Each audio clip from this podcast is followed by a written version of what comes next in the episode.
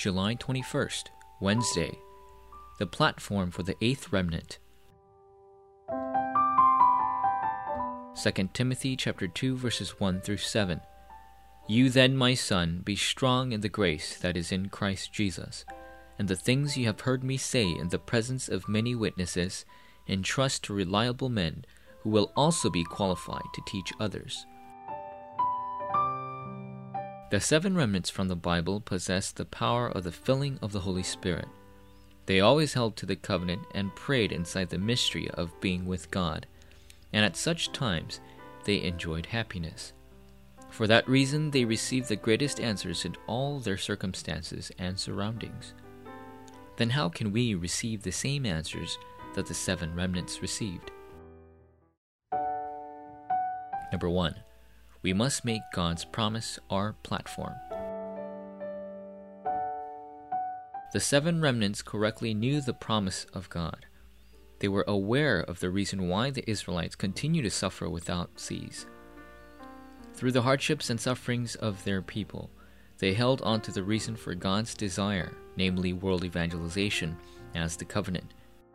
The remnants who held on to the covenant realized this reason to the extent that they never feared death and never made up excuses in putting their work into action. Number 2. We must have the platform of 2 Timothy chapter 2 verses 1 through 7. A spiritual soldier is the one who has the assurance that Jesus has become the Christ and that he has put all the problems to an end.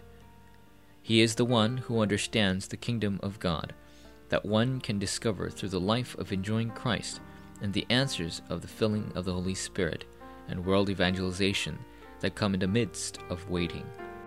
Anyone who competes as an athlete is the one who fights the good fight according to the rules of the indwelling of the Holy Spirit, the guidance of the Holy Spirit, and the filling of the Holy Spirit. A hard-working farmer is the one who enjoys God's blessings, that one is sure to receive and save others. We will receive answers if we firmly hold to these mysteries and make them our platform. Number three, we must make all circumstances our platform.